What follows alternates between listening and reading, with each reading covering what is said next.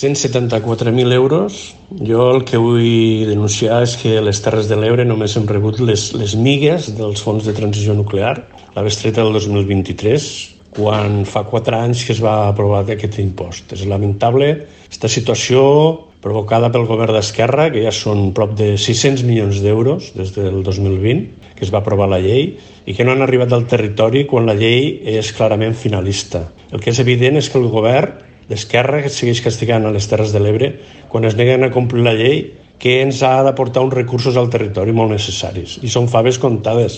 30 milions d'euros per la zona Penta 1, per 18 ajuntaments que som, això suposa bastant més dels 174.000 euros i no sé si es deuen pensar que és que som tontos.